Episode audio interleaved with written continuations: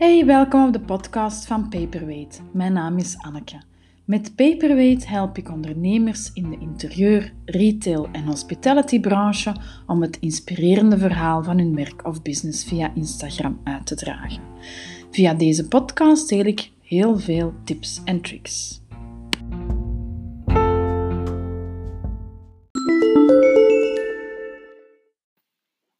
Hey, welkom bij episode 2 van de Paperweight podcast. Vandaag uh, ga ik het hebben over uh, een naam kiezen voor je zaak of business. What's in a name? Alles eigenlijk. Alles is in a name. Um, een naam kiezen, dat is zoals een naam kiezen voor uw kind. Dat is heel moeilijk en heel spannend tegelijkertijd. Je staat ook aan het begin van een nieuw hoofdstuk en alles ligt nog open. Um, zeker als je een nieuw merk of een nieuwe zaak begint, dan zit je hoofd boordevol met to-do's en nieuwe ideeën. En je lijf zit vol met adrenaline en je bent eigenlijk al zo moe, maar je moet verder. En um, dat lijstje moet afgewerkt geraken. Maar een naam, dat is meestal het eerste waar dat je over gaat nadenken als je um, met een nieuw merk of bedrijf begint. Uh, en dat is toch niet zo gemakkelijk om uh, een naam te kiezen. Ik krijg heel vaak de vraag waar dat de naam Paperweight uh, vandaan komt. En dat is een heel terechte vraag, want um, eigenlijk lijkt dat niet veel te maken te hebben met uh, social media of met uh, online marketing. Uh, maar dat komt natuurlijk omdat ik al een hele lange tijd bezig ben. En um, ik, toen ik begon met Paperweight, toen was ik vooral in de custom publishing actief. Ik werkte mee aan magazines. Dus ik was verantwoordelijk voor uh, de redactie en de productie van uh, vooral van magazines voor retailers. En toen ik uh, een jaar of zes geleden op mezelf begon, toen moest ik natuurlijk een naam kiezen waaronder ik zou verder gaan. En um, eigenlijk zocht ik iets dat um, betrekking had tot papier, omdat ik al ja, heel mijn leven lang eigenlijk een voorliefde voor papier heb. Als ik in zo'n uh, winkeltje binnenkom met allemaal stationery en schriftjes en potloden en bikken, dan uh, kun je mij daar uren binnenlaten, geen enkel probleem. Uh, papier en gekleurd papier, kalkpapier. Um, ik, ik vind het fantastisch, superleuk. Um, tussen haakjes daarover. In Brussel is er een heel leuk klein winkeltje uh, vlakbij de Agora-galerij aan het Centraal Station. En dat is van Sophie. En Sophie heeft Moffelito Paperito. En zij heeft diezelfde voorliefde voor papier uh, omgezet in haar, uh, in haar eigen zaak. En zij heeft een winkeltje met allemaal heel leuke dingen die te maken hebben met papier. zoals kalenders, agenda's, notebooks, um, leuke wenskaarten. Uh, heel veel uh, dingetjes uit uh, Japan. Ze heeft een voorliefde voor Japan. Eh, pennen, mooie bikken en gekleurde stiftjes, etc. Dus een leuk adresje om in Brussel te bezoeken. Moffelito Paparito. Maar helemaal terzijde. Uh, dus die liefde voor papier um, en die liefde voor magazines maken, um, communicatie, dat moest eigenlijk allemaal terug te vinden zijn in, uh, in de naam voor mijn bedrijf, tussen haakjes. Want toen noemde ik mezelf eigenlijk nog niet echt bedrijf. Um, ik werkte vooral als freelancer uh, voor verschillende opdrachtgevers. Maar dus die naam, um, eigenlijk heeft dat niet zo heel lang geduurd en um, had ik dat toch vrij snel uh, gevonden. Paperweight of presse-papier. Uh, ik weet niet of dat je dat kent, maar dat is eigenlijk zo een glazen bol die dat je op je bureau, op je paparassen uh, legt of zet, zodanig dat alles mooi bij elkaar blijft en dat je niks verliest. Wel, en eigenlijk was dat een beetje symbolisch voor mijn functie ehm, als ja, in, in de productie van magazines. Um, ik had namelijk een coördinerende functie en ik zat een beetje in de kern van het project, um, waarbij ik vanuit die centrale functie de creatieve teams aanstuurde. Ik had uh, contact met de klant, ik had contact met de drukker uh, en uh, daarnaast met de copywriter, fotograaf en, en zo verder. Dus ik hield eigenlijk alle touwtjes in handen. Ik zorgde ervoor dat de planningen gerespecteerd werden en dat eigenlijk alle deadlines op tijd gehaald konden worden. En dat uh, voor een product dat alles met papier te maken had, uh, magazines maken voor retailers. En ik wilde dat natuurlijk ook in mijn freelance uh, job verder zetten. Um, Paperweight sloot dan voor mij eigenlijk heel goed aan bij hetgeen dat ik ging doen. Ook een beetje gewicht in de weegschaal leggen. En weegschaal is mijn sterrenbeeld, heel toevallig. Uh, maar dus dat gewicht in de weegschaal, ook dat contrast tussen papier, dat eigenlijk heel licht is, en dan het gewicht van uh, die paperweight, dat redelijk zwaar is, uh, dat vond ik eigenlijk een heel mooi, mooi iets om rond te werken. Dus de naam paperweight was eigenlijk toch wel redelijk snel beslist. Maar wat ga je dan doen als je die naam uh, gekozen hebt? Um, dan moet je eigenlijk als eerste gaan kijken of dat die ook uh, nog beschikbaar is als domeinnaam, uh, zodanig dat je diezelfde naam ook kan gebruiken voor jouw website. als die daar beschikbaar is, dan ga je eigenlijk ook meteen even kijken op social media of dat de naam daar ook nog vrij is. Um, want het is goed uh, dat je overal op alle kanalen dezelfde naam gebruikt. Dat is heel duidelijk ten eerste, maar je trekt daarmee ook een uh, rode draad door, door al jouw communicatie.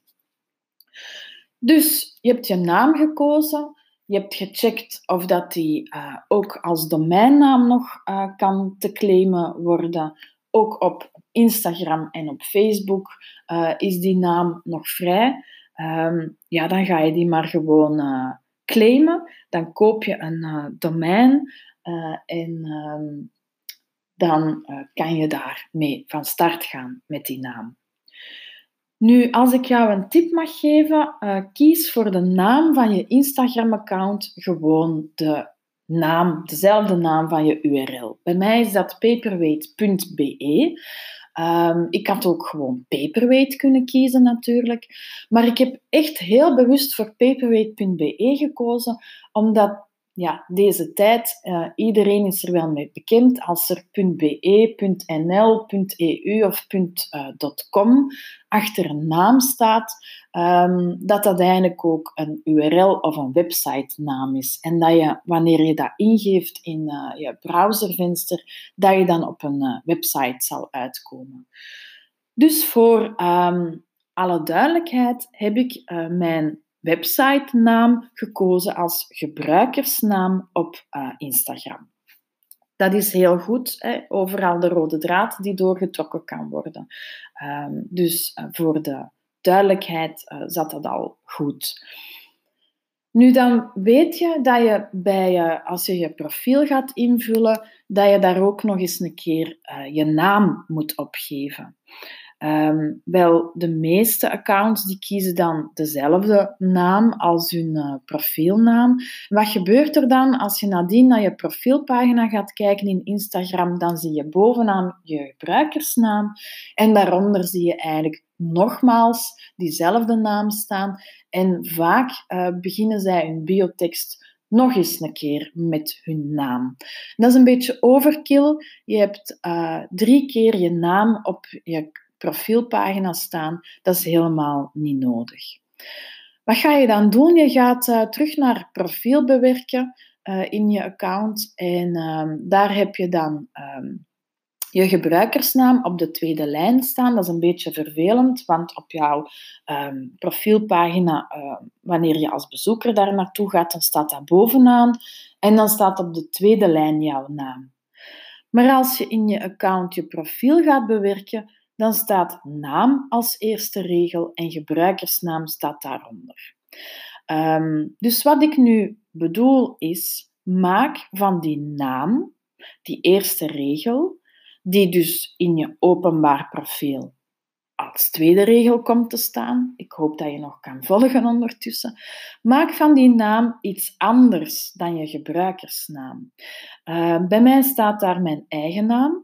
Uh, zo is het heel duidelijk dat er een mens uh, achter mijn account zit. en ik heb daar content marketing achter geschreven. dat is namelijk mijn kernactiviteit. Je hebt daar 30 tekens de plaats. Dat wil zeggen um, letters, cijfers, spaties, symbooltjes, um, dat je kan gebruiken om ofwel jouw eigen naam daar bijvoorbeeld in te zetten als dat uh, niet in jouw merknaam voorkomt, of uh, jouw kernactiviteiten te vermelden. Stel dat je een uh, architectenbureau bent, dan zou je daar bijvoorbeeld architectuur en landschapsontwikkeling kunnen uh, inschrijven. Ik weet nu niet van buiten of dat past in die 30 tekens, maar dan moet je dan eens um, een keer mee uh, aan de slag gaan.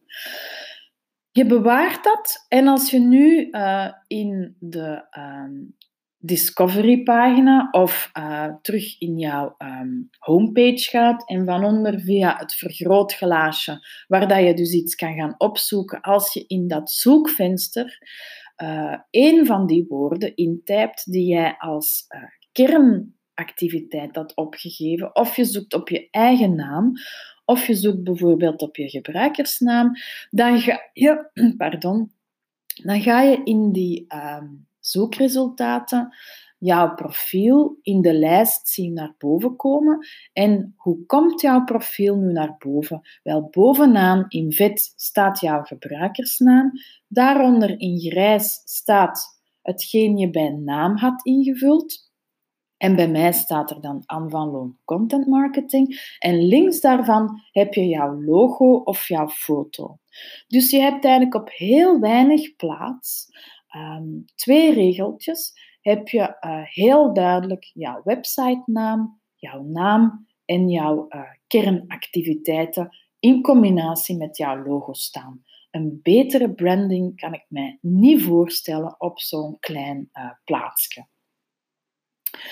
Dus hou het simpel. kies je URL als gebruikersnaam. Um, zo is het in één oogopslag duidelijk voor jouw bezoekers die nieuw op je profiel komen, waar dat ze je ook online uh, kunnen vinden. Dus um, ze hoeven niet per se die website-link uh, aan te tikken om naar jouw uh, website te gaan. wanneer dat ze jou al een tijdje volgen, dan gaat dat ook top of mind vooraan in hun geheugen zitten. En wanneer ze jou willen opzoeken, dan weten ze heel snel op welke URL dat ze dat kunnen doen. Het lijkt echt een detail, maar het maakt een uh, heel groot verschil uh, voor jouw uh, branding. Stel dat je nu al eventjes bezig bent op Instagram en je hebt daar al een gebruikersnaam. Um, wel, je kan zonder dat je je volgers verliest, je gebruikersnaam aanpassen. Je gaat gewoon naar profiel bewerken en je kiest een nieuwe gebruikersnaam. Let wel op, daar staat het dus op de tweede regel, naast gebruikersnaam. Vond jij het moeilijk om een naam of een uh, naam te kiezen of een gebruikersnaam te kiezen voor je merk uh, of bedrijf? Hoe, uh, hoe koos jij die naam?